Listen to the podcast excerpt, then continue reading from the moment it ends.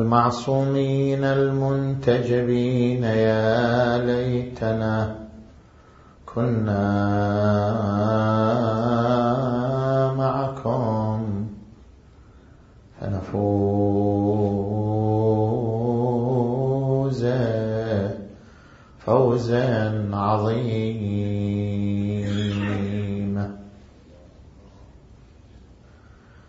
أعوذ بالله من الشيطان الغوي الرجيم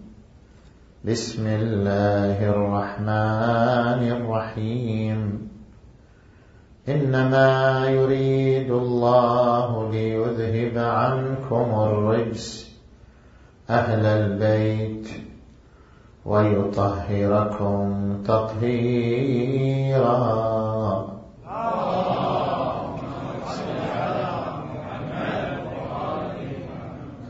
آمنا بالله صدق الله العلي العظيم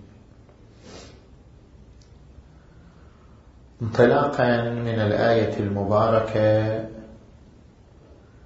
نتحدث في محاور ثلاثة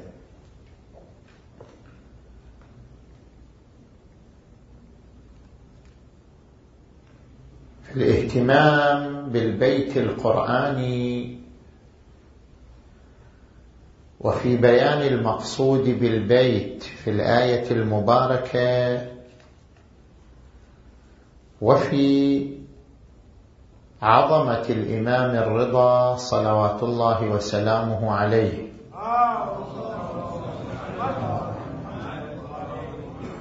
نأتي إلى المحور الأول القرآن الكريم اهتم بهذه المؤسسة العظيمة ألا وهي مؤسسة البيت الأسرة نلاحظ أن القرآن الكريم تحدث عن البيت الواهي وعن البيت الشامخ تحدث عن البيت الواهي عندما قال ان اوهن البيوت لبيت العنكبوت وتحدث عن البيت الشامخ العالي عندما قال في بيوت اذن الله ان ترفع ويذكر فيها اسمه يسبح له فيها بالغدو والاصال رجال لا تلهيهم تجاره ولا بيع عن ذكر الله البيت في القران الكريم هناك بيت واهي وهناك بيت شامخ فما هي اسس البيت الشامخ ما هي أعمدة البيت الشامخ كل واحد منا يريد أن يبني بيتا له كل واحد منا يريد أن يشيد مؤسسة له هذا البيت وهذه المؤسسة التي يريد الإنسان أن يشيدها وأن يبنيها تحتاج إلى أصول تحتاج الى اسس تعتمد على اعمده معينه فما هي الاصول والاعمده التي يقوم عليها البيت الشامخ البيت القوي لا البيت الضعيف الذي قال عنه القران الكريم ان اوهن البيوت لبيت العنكبوت الاصل الاول من اصول البيت العظيم هو المعدن الوراثي الطيب اذا اردت ان تؤسس بيتا فاختر معدنا وراثيا طيبا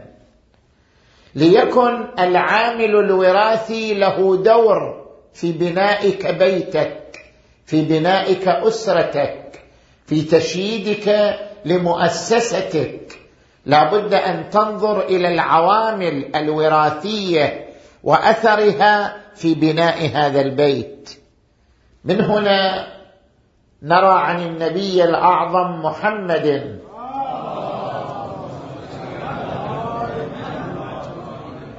عندما يقول اختاروا لنطفكم فان العرق دساس وورد عنه صلى الله عليه واله اياكم وخضراء الدمن قيل وما خضراء الدمن قال المراه الحسناء في منبت السوء العامل الوراثي لابد ان يلاحظه من يريد ان يبني بيتا من يريد ان يشيد اسره لابد ان يلحظ العوامل الوراثيه لابد أن يلحظ الأم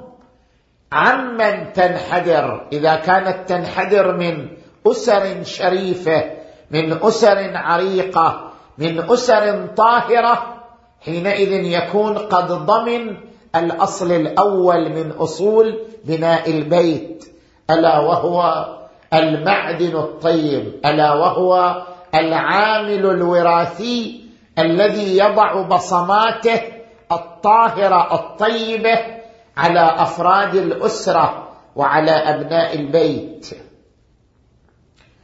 الاصل الثاني من اصول البيت الشامخ اعماره بذكر الله عز وجل نحن نلاحظ في بيوتنا الان في اسرنا الان البيوت تصحو على نغم الموسيقى تنام على نغم الموسيقى البيت دائما يعيش اجواء اجواء الموسيقى اجواء التلفاز اجواء المسلسلات اجواء الافلام البيت الذي يراد له ان يكون بيتا شامخا بيتا رفيعا لابد ان يعتمد على ذكر الله يصحو وذكر الله يملا افاقه ينام وذكر الله يملا افاقه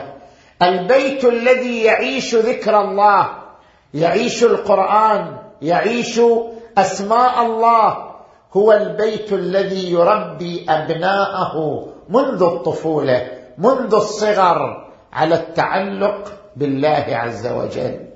لذلك القران الكريم ماذا قال قال في بيوت أذن الله أن ترفع ويذكر فيها اسمه رفعتها بذكر الله شموخها وعلوها بذكر الله في بيوت أذن الله أن ترفع ويذكر فيها اسمه وقال تبارك وتعالى في آية أخرى واجعلوا بيوتكم قبله وأقيموا الصلاة ما معنى واجعلوا بيوتكم قبلة وأقيموا الصلاة هنا ثلاثة معاني للآية المباركة لكلمة قبلة واجعلوا بيوتكم قبلة المعنى الأول أن المراد بالقبلة أن يجعل الإنسان لنفسه في بيته محرابا يستحب لك أن تجعل في بيتك محراب مكانا للصلاه مكان مخصص للصلاه يقصده افراد الاسره ليعرفوا ان هذا المكان مخصص لذكر الله عز وجل واجعلوا بيوتكم قبله واقيموا الصلاه المعنى الثاني لكلمه قبله اشاره الى الفن الاسلامي لاحظوا القرآن الكريم الدين الإسلامي الدين الإسلامي ليس دين عبادة فقط بل هو دين حضارة الإسلام كما له مفاهيم عبادية كما له قوانين تشريعية له أيضا فن في العمارة له فن في البناء من الفنون من فنون العماره الاسلاميه ان تجعل البيوت متقابله وليست في عرض واحد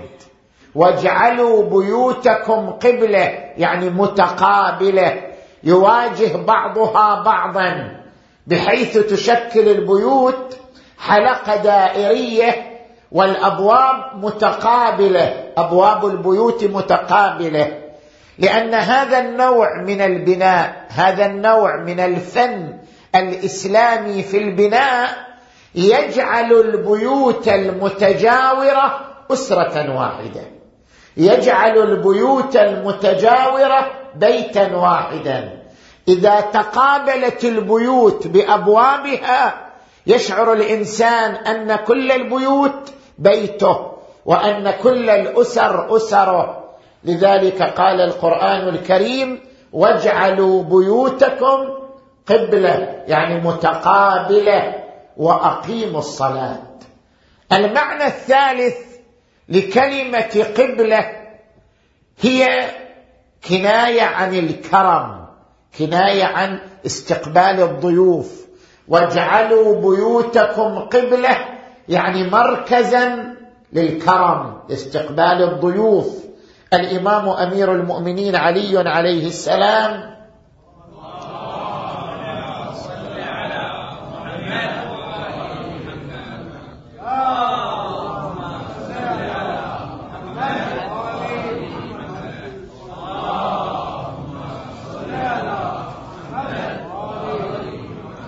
دخل بيت الحارث بن زياد الحارث بن زياد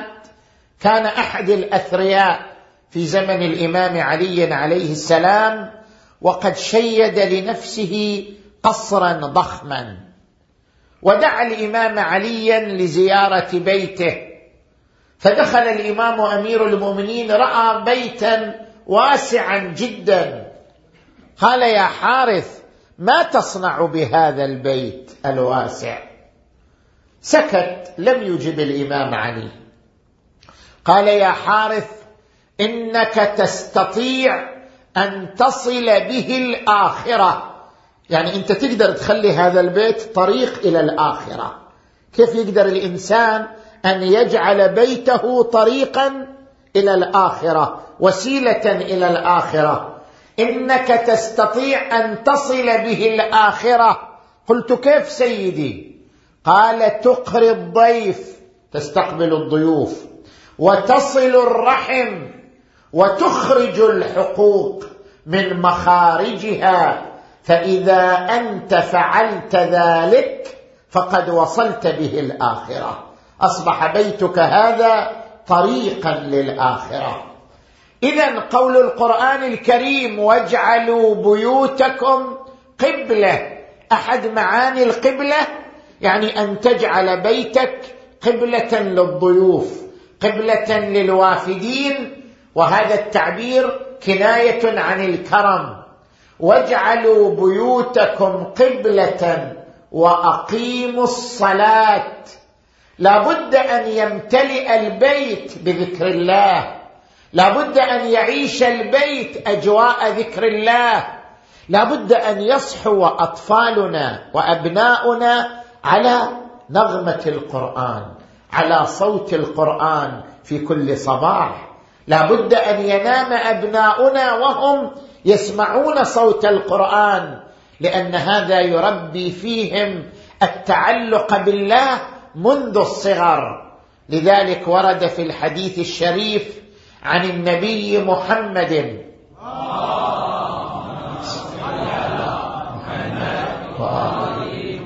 إن البيت الذي يقرأ فيه القرآن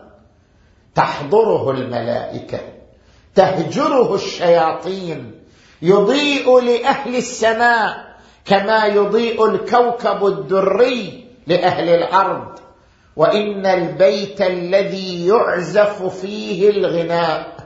ككثير من بيوتنا الان تصحو على الموسيقى وتنام على الموسيقى وان البيت الذي يعزف فيه الغناء تهجره الملائكه وتحضره الشياطين اذا من الاصول الاساسيه لبناء البيت الشامخ هو اعماره بذكر الله عز وجل الاصل الثالث من اصول البيت التربيه الحسنه لاحظوا القران الكريم اهتم بهذا الاصل الثالث والذين يقولون ربنا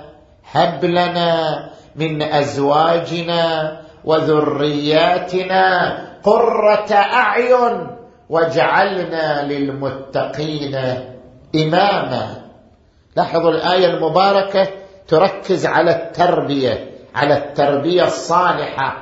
هب لنا من ازواجنا وذرياتنا ما قالت الايه ربنا هب لنا ازواجا وذريه كل انسان يدعو ان تكون له زوجه وذريه ما قالت الايه هكذا قالت ربنا هب لنا من ازواجنا وذرياتنا قره اعين ليس المهم ان يحصل الانسان على زوجه ليس المهم ان يحصل الانسان على ذريه المهم ان يحصل على قرة عين من زوجته وذريته المهم أن ينام قرير العين المهم أن يصحو قرير العين المهم أن يعيش داخل أسرته وهو قرير العين ربنا هب لنا من أزواجنا وذرياتنا قرة أعين وكيف يكون الإنسان قرير العين ينام هادئا يجلس هادئا يعيش في بيته هادئا قرة العين بمعنى الهدوء والاستقرار تعتمد على التربية الصالحة إذا ربيت الأب... إذا ربيت الأبناء على القيم قيمة الصدق قيمة الاحترام قيمة المحبة قيمة التعاون عاش البيت قرير العين البيت الذي يعيش أبناؤه روح التعاون بينهم البيت الذي يعيش أبناؤه روح المحبة بينهم البيت الذي يعيش أبناؤه روح الصدق في التعامل هو بيت قرير العين بأبويه وأبنائه ربنا هب لنا من ازواجنا وذرياتنا قره اعين واجعلنا للمتقين إماما يعني جعلنا قدوة لغيرنا نحن أي بيت يكون قرير العين سيكون قدوة للبيوت الأخرى حاول أن تجعل بيتك إماما لغيرك يعني قدوة لغيرك حاول أن تجعل بيتك بيتا مستقرا هادئا فإن قوام الهدوء وقوام الاستقرار بالبسمه باللطف بالصدق بالتعاون عندما يكون خلق الاب هو البسمه وزرع المحبه سوف يكون ابناؤه كذلك عندما يكون خلق الام هو البسمه والعطف والتعاون مع الاب سوف يكون الابناء متعاونين عندما يرى الابناء الابوين متعاونين متحابين صادقين في التعامل سوف يكتسب الابناء المحبه والتعاون والصدق وتعاونوا على البر والتقوى ولا تعاونوا على الاثم والعدوان اذا البيت هناك بيت واهي كما قلنا عبر عنه القران الكريم بقوله إن أوهن البيوت لبيت العنكبوت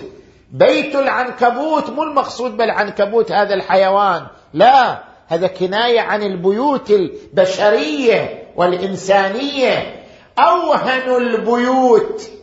أوهن الأسر أضعف الأسر هي الأسر التي لا تعتمد على الأصول الثلاثة التي ذكرناها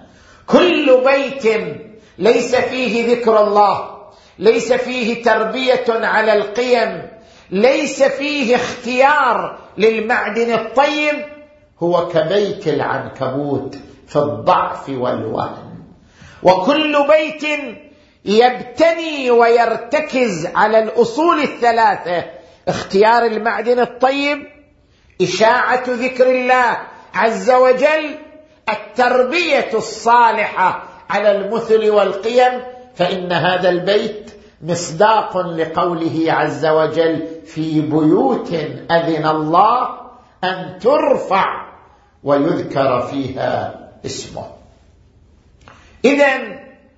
هذا هو حديثنا في المحور الاول عن البيت القراني واهميته البيت القراني هو البيت الذي جمع هذه الاصول وهذه الركائز الثلاث المحور الثاني تحدث القران الكريم عن افضل بيت واهم بيت عندما تحدث عن البيوت بقوله انما يريد الله ليذهب عنكم الرجس اهل البيت ويطهركم تطهيرا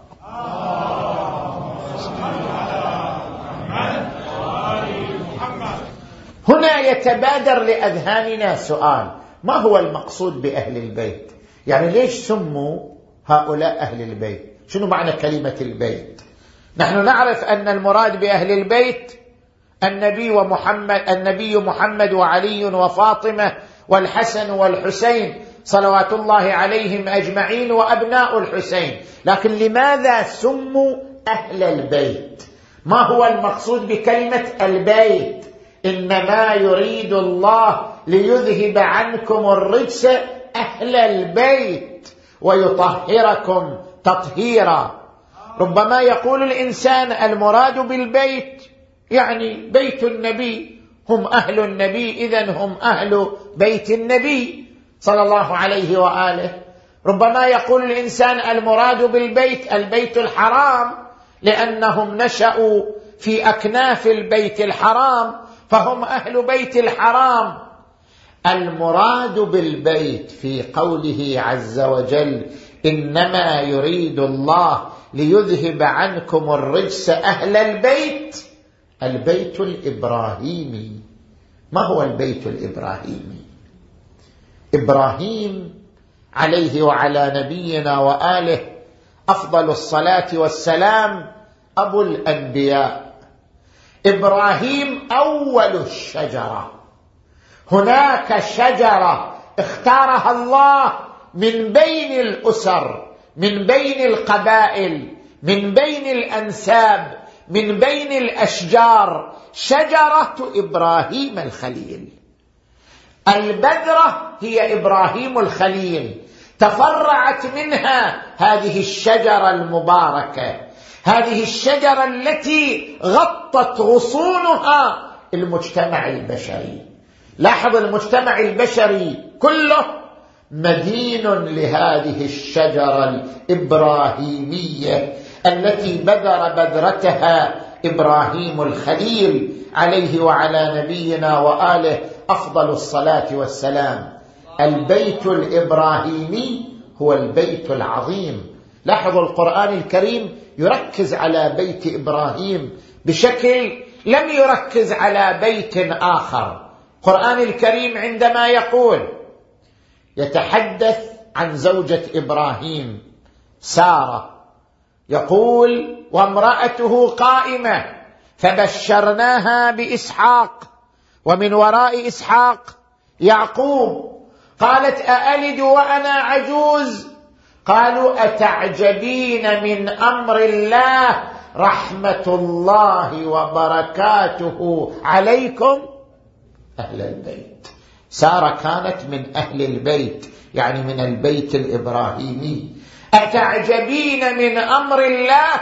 رحمة الله وبركاته عليكم أهل البيت هذا البيت الذي أسسه إبراهيم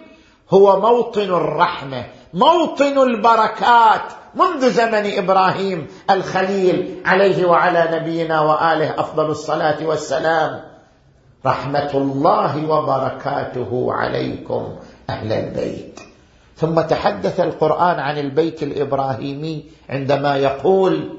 وجعلنا في ذريته النبوة والكتاب ما في أسرة مثل أسرة إبراهيم أسرة كلها أنبياء كلها أولياء امتدت من إبراهيم عليه السلام إلى محمد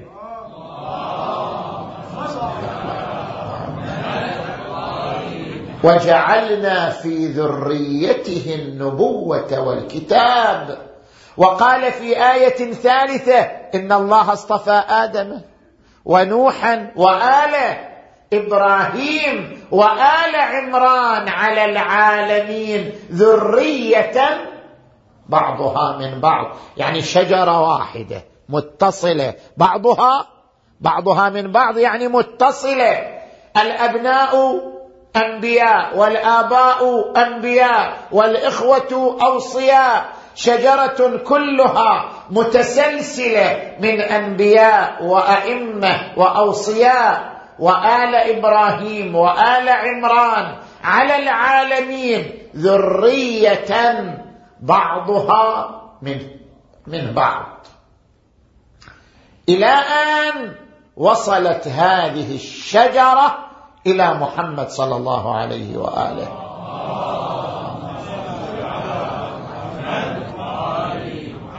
وتحدث عن هذه الشجره المباركه النبي قال لم يزل الله ينقلني من اصلاب الطاهرين وارحام المطهرات الى ان اخرجني الى عالمكم هذا لم يدنسني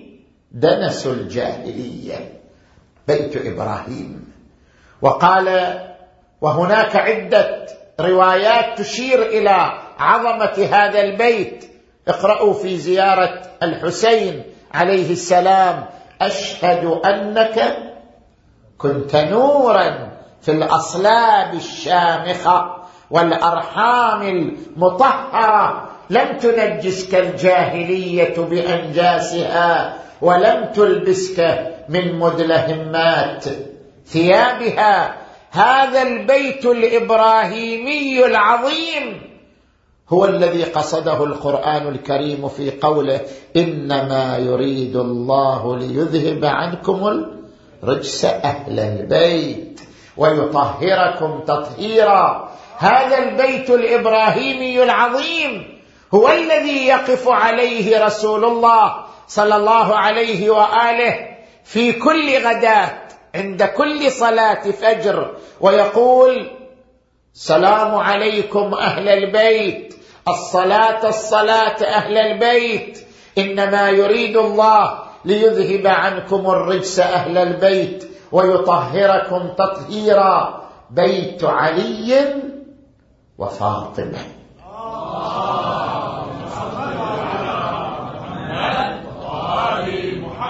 واعظم معلم من معالم هذا البيت العظيم هو معلم العصمه ويطهركم تطهيرا ليش ما اكتفى القران بقوله ويطهركم من دون كلمه تطهيرا اراد الاشاره الى العصمه التامه الى العصمه الشامله هناك من يعطى عصمه لكن عصمه ناقصه ولكن هناك من اعطي عصمه كامله ويطهركم تطهيرا العصمه التامه تعني العصمه العلميه والعصمه التبليغيه والعصمه العمليه ثلاثه انواع من العصمه اعطيت لمحمد وال محمد آه. فكان حقيقا بقوله ويطهركم تطهيرا العصمه العلميه يعني لا يخطر على ذهن الامام او النبي معلومه خطا ابدا لا ينقدح في عقله معلومه خاطئه لا ينقدح في عقله تصور خاطئ دائما عقله معصوم يعني لا تنقدح فيه الا المعلومات المصيبه لا تنقدح فيه الا المعلومات المطابقه للواقع فهو معصوم عصمه علميه اشار اليها القران الكريم في قوله وما كان لبشر ان يكلمه الله الا وحيا او من وراء حجاب او يرسل رسولا فيوحي باذنه ما يشاء وكذلك أوحينا إليك روحا من أمرنا ما كنت تدري ما الكتاب ولا الإيمان ولكن جعلناه نورا نهدي به من نشاء من عبادنا والعصمة التبليغية يعني أن النبي لا يقول خطأ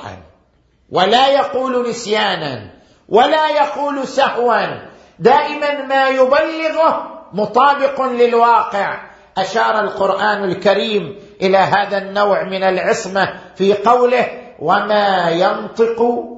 عن الهوى ان هو الا وحي يوحى وقال ما اتاكم الرسول فخذوه وما نهاكم عنه فانتهوا والنوع الثالث للعصمه العصمه العمليه لا يفعل خطأ ولا معصيه فعله متطابق مع رضا الله واراده الله تبارك وتعالى هو الذي بعث في الاميين رسولا منهم يتلو عليهم اياته ويزكيهم ويعلمهم الكتاب والحكمه وان كانوا من قبل لفي ضلال مبين اذا عندما اراد الله ان يرشد إلى العصمة التامة عبر بهذا التعبير ويطهركم تطهيرا نجي إلى المحور الثالث من حديثنا من تجليات هذا البيت الإبراهيمي العظيم علي بن موسى الرضا صلوات الله وسلامه عليه الذي نحتفل بذكرى شهادته هذه الايام علي بن موسى الرضا صوره رائعه وتجل عظيم من تجليات هذا البيت النبوي الابراهيمي المحمدي ابو الحسن علي بن موسى علي بن موسى الرضا عليه السلام نحن نمر على حياته وعلى شخصيته مرورا سريعا ما الذي تميزت به شخصيه الامام الرضا عليه السلام من بين الائمه الائمه يشتركون في صفات كثيره منها العصمه منها الولايه ولكن يتميز بعضهم ببعض الصفات يكون له دور يختلف عن دور الائمه الاخرين صلوات الله وسلامه عليهم اجمعين الامام الرضا عليه السلام تميز بدورين من بين الائمه الطاهرين عليهم السلام ما هما هذان الدوران الدور الاول ان الامام الرضا هو الذي بدا مرحله التقويم للفكر الإمامي كيف الفكر الإمامي مر بمراحل ثلاث مرحلة التأسيس ومرحلة التفصيل ومرحلة التقويم مرحلة التأسيس بدأت على يد الإمام علي بن أبي طالب أمير المؤمنين علي عليه السلام ومن بعده من أولاده الإمام علي إذا أنت تقرأ نهج البلاغة نهج البلاغة يعكس أسس الفكر الإمامي فلسفة الحياة في الفكر الإمامي فلسفة الوجود في الفكر الإمامي فلسفة الأسرة في الفكر الإمامي فلسفة القرآن الكريم في الفكر الإمامي الفكر الإمامي فكر عقلي يعتمد على التحليل والفلسفه لكل ما يعيشه الانسان ونهج البلاغه قد وطد الاسس الفلسفيه العقليه للفكر الامامي الى ان جاءت المرحله الثانيه مرحله التفصيل وهي مرحله الامامين الباقر والصادق عليهما السلام بدأ الفكر الإمامي مرحلة جديدة على يدي الإمامين الباقر والصادق وهي مرحلة التفصيل شلون مرحلة التفصيل؟ يعني ما صدر من تراث عن الإمامين لم يصدر عن غيرهما من الأئمة حجم التراث مساحة التراث الذي صدر عن الإمام الباقر والصادق لم يصدر عن أئمة قبلهما ولا بعدهما مساحه التراث وحجمه عن هذين الامامين هي المساحه الاكبر في الفكر الامامي ثمانين بالمئه من تفاصيل الفكر الامامي وردت عن الامامين الباقرين الصادقين صلوات الله وسلامه عليهما فبدات مرحله التفصيل صار الفكر الإمامي متنوع إلى أنواع أربعة عقائد وفقه وتفسير وقيم هذه الأنواع الأربعة غذيت بالروايات من قبل الإمامين الصادقين مجال المعتقد مجال الفقه مجال تفسير القرآن مجال القيم والأخلاق لذلك تعتبر مرحلة الإمام الصادق مرحله التفصيل هذه المرحله يعبر عنها الحسن ابن علي الوشا يقول دخلت مسجد الكوفه فرايت تسعمائه شيخ هؤلاء طبعا بعد زمان الامام الصادق يعني بعد زمان الامام الصادق بخمسين سنه اكثر تسعمائه شيخ كل يقول حدثني سيدي ومولاي جعفر بن محمد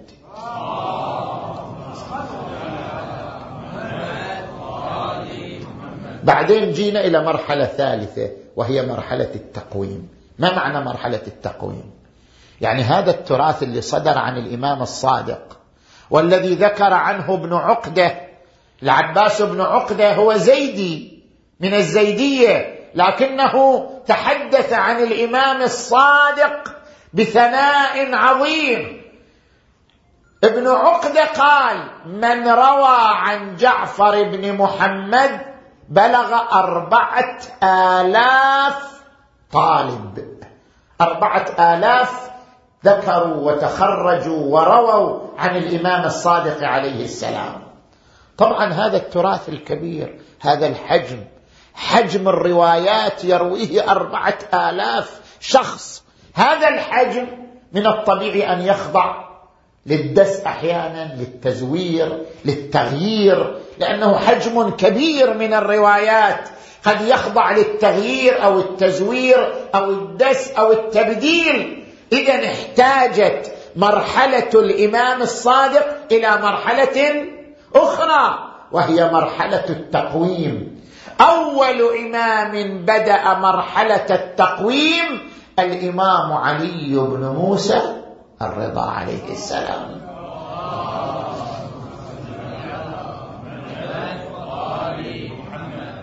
الدور الاول الذي قام به الامام الرضا هو التقويم تقويم الروايات تقويم الاحاديث فعرضت عليه الكتب كتب الإمام الصادق كتب الإمام الباقر كتب الإمام الكاظم ومن قبلهما من الأئمة يقول يونس بن عبد الرحمن أحد الرواة الكبار عن الإمام الرضا عليه السلام قيل له يا أبا محمد يعني يخاطب يونس يا أبا محمد ما أشدك في الحديث وأكثر إنكارك دائما انت تنكر احاديث وتتشدد في قبول الاحاديث ما هو السر قال لقد عرضت كتب اصحاب ابي جعفر وابي عبد الله يعني كتب الامامين الباقرين الصادقين لقد عرضت اصحاب كتب ابي جعفر وابي عبد الله على مولاي علي بن موسى الرضا عليه السلام فأنكر منها أحاديث لم يقلهما الإمام الباقر والإمام الصادق إذا الإمام الرضا بدأ مرحلة التقويم قراءة التراث تنقيح التراث تهذيب التراث الاحتفاظ بالأحاديث الصحيحة لذلك مرحلة الإمام الرضا هي مرحلة مهمة للفكر الإمامي لأنها كانت عبارة عن مرحلة التقويم الدور الثاني الذي قام به الإمام الرضا عليه السلام وتميز عن أدوار آبائه وأبنائه هو المناظرات كيف المناظرات أول إمام بدأ المناظرات تعرفون أن المأمون العباسي عرض على الإمام الرضا الخلافة فرفض ثم عرض عليه ولايه العهد وقبلها بعد التهديد بالقتل ان لم يقبل ما هي الاسباب التي دعت الامام دعت الامام الرضا عليه السلام الى قبول ولايه العهد عده اسباب منها انه هدد بالقتل منها انه لحفظ شيعه خراسان من اسباب قبوله لولايه العهد نشر الفكر الامامي كيف ينشر الفكر الإمامي وهو ولي عهد للمأمون العباسي في تلك الأزمنة أرباب الأديان وأرباب المذاهب كانوا يأتون إلى قصور السلاطين يعني إذا أردت أن تلتقي بالعلماء تلتقي بهم في قصور السلاطين لأن سلاطين سلاطين العباسيين كانوا يغدقون الأموال على العلماء ليجلبوهم الى القصر ليجلبوهم الى قصورهم وبيوتهم ومنازلهم لذلك كان هناك وفره من علماء الاديان اليهود والنصارى والصابئه كان هناك وفره من علماء الاديان في قصور بني العباس كان هناك وفره من علماء المذاهب الاسلاميه الاخرى الاحناف والشوافع والموالك كانوا متواجدين في قصور بني العباس أراد الإمام الرضا عليه السلام أن تكون ولاية العهد فرصة لمناظرة هؤلاء لمناظرة علماء الأديان وعلماء المذاهب الإسلامية المختلفة فقبل الإمام الرضا ولاية العهد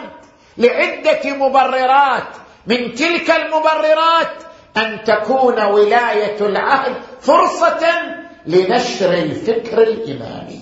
وفعلا الامام الرضا استلم ولايه العهد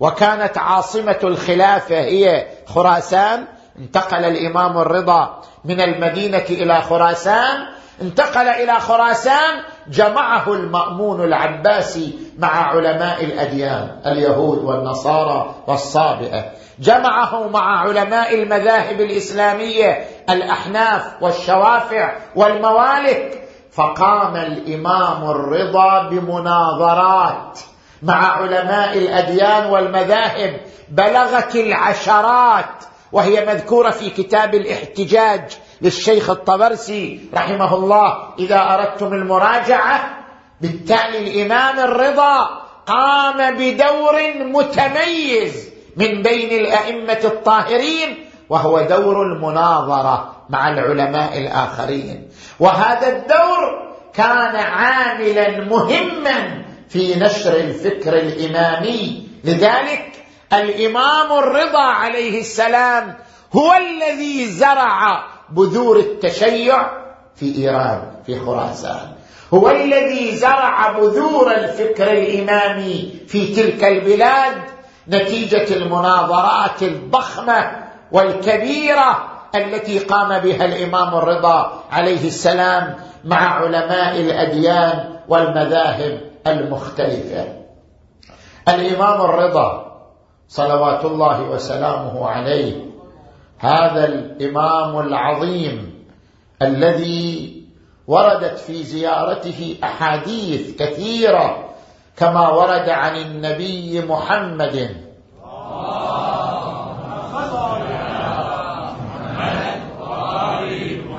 ستدفن بضعة مني بأرض خراسان من زاره عارفا بحقه ضمنت له على الله الجنة الإمام الرضا عليه السلام حفل بهذه الروضة الشريفة وأصبح قبره روضة من زاره عارفا بحقه ضمنت له الجنة قيل وما عرفان حقه سئل الإمام الصادق قيل وما عرفان حقه قال العلم بانه امام مفترض الطاعه غريب شهيد الامام الرضا عاش الغربه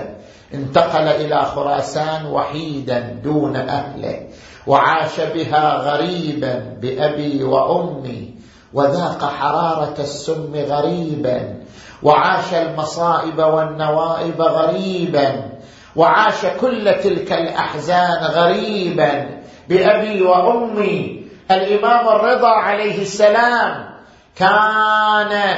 من الائمه الذين فتحوا باب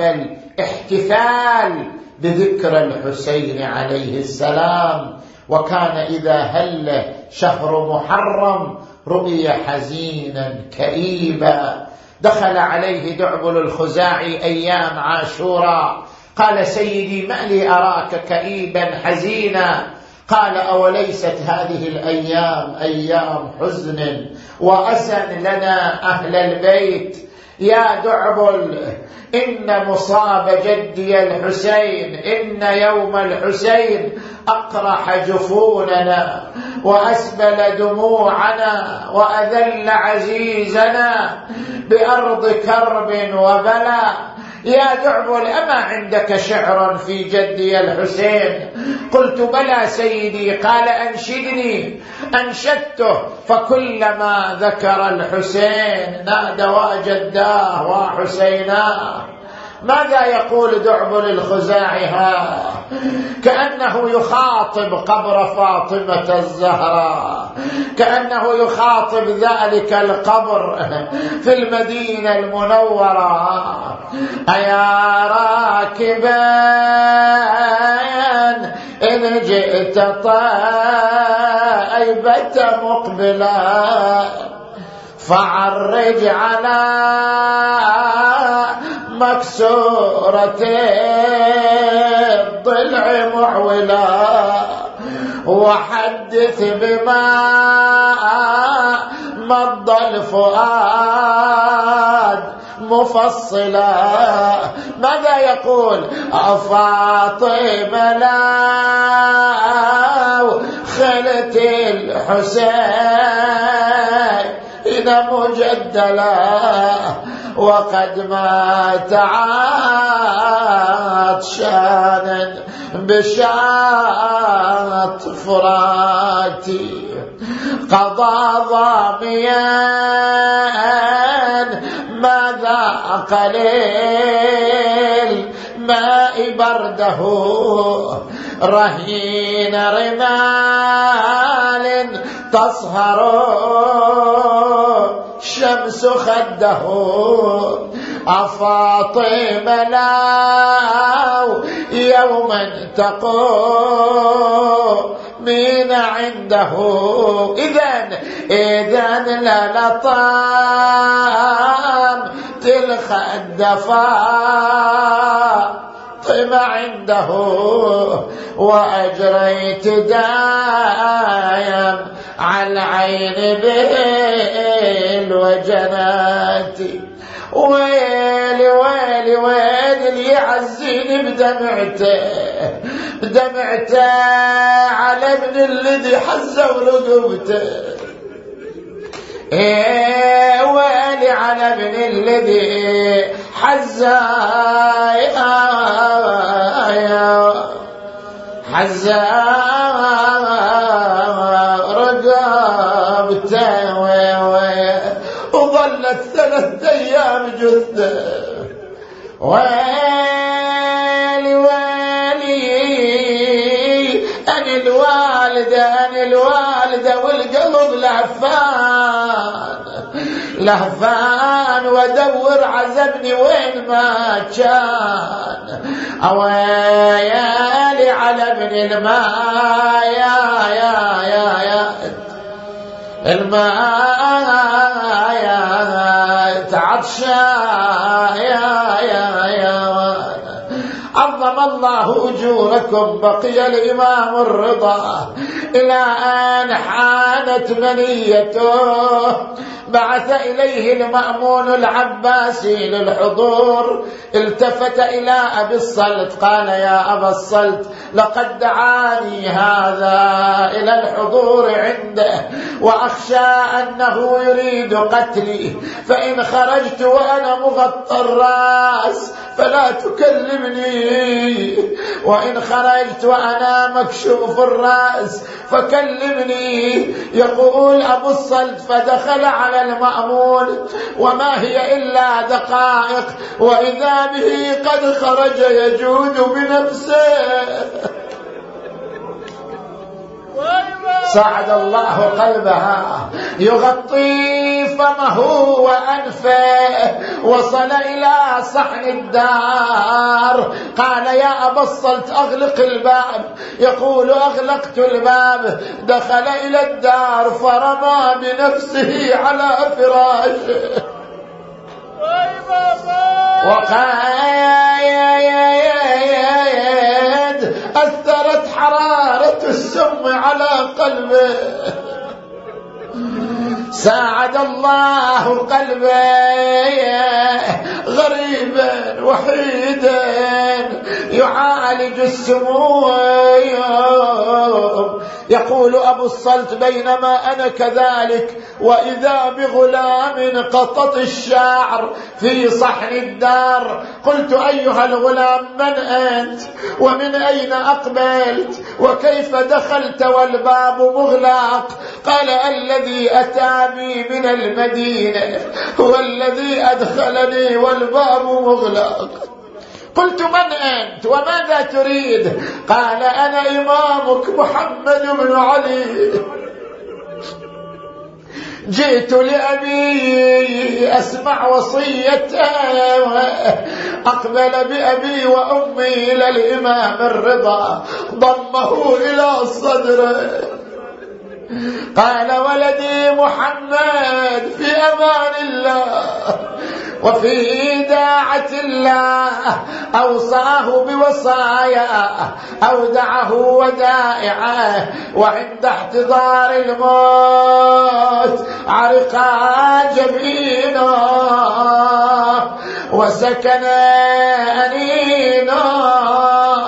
ومد يديه ورجليه وغمض عينيه وفاضت روحه الشريفه صرخ الإمام الجواد وأبتا ضجت خراسان وإماما وقام شبله يغسله والدمع من عينه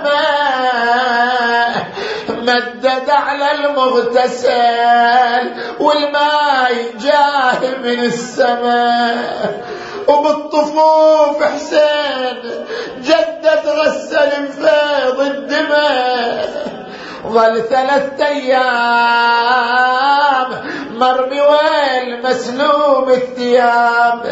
نعم الإمام الرضا ما غمض عينيه حتى حضر الجواد عنده أوصاه وصاياه أودعه ودائعه أما الحسين فقد بقي يؤن على تراب كربلاء أما الحسين فقد بقي تصهره الشمس وتظلله الطيور أما الحسين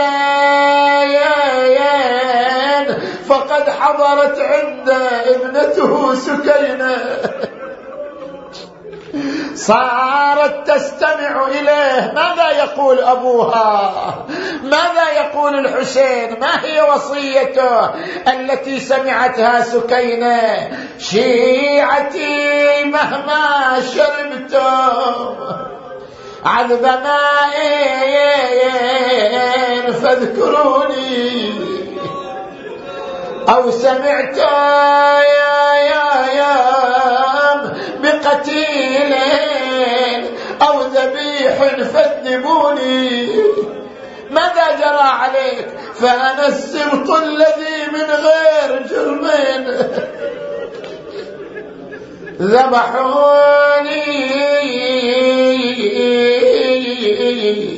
ما حد حضر عنده وحفر قبره وما حد جاب كافوره وسدره خيل الاعوجيه وطت صدره اي والله خيل الاعوجيه وطايا وطايا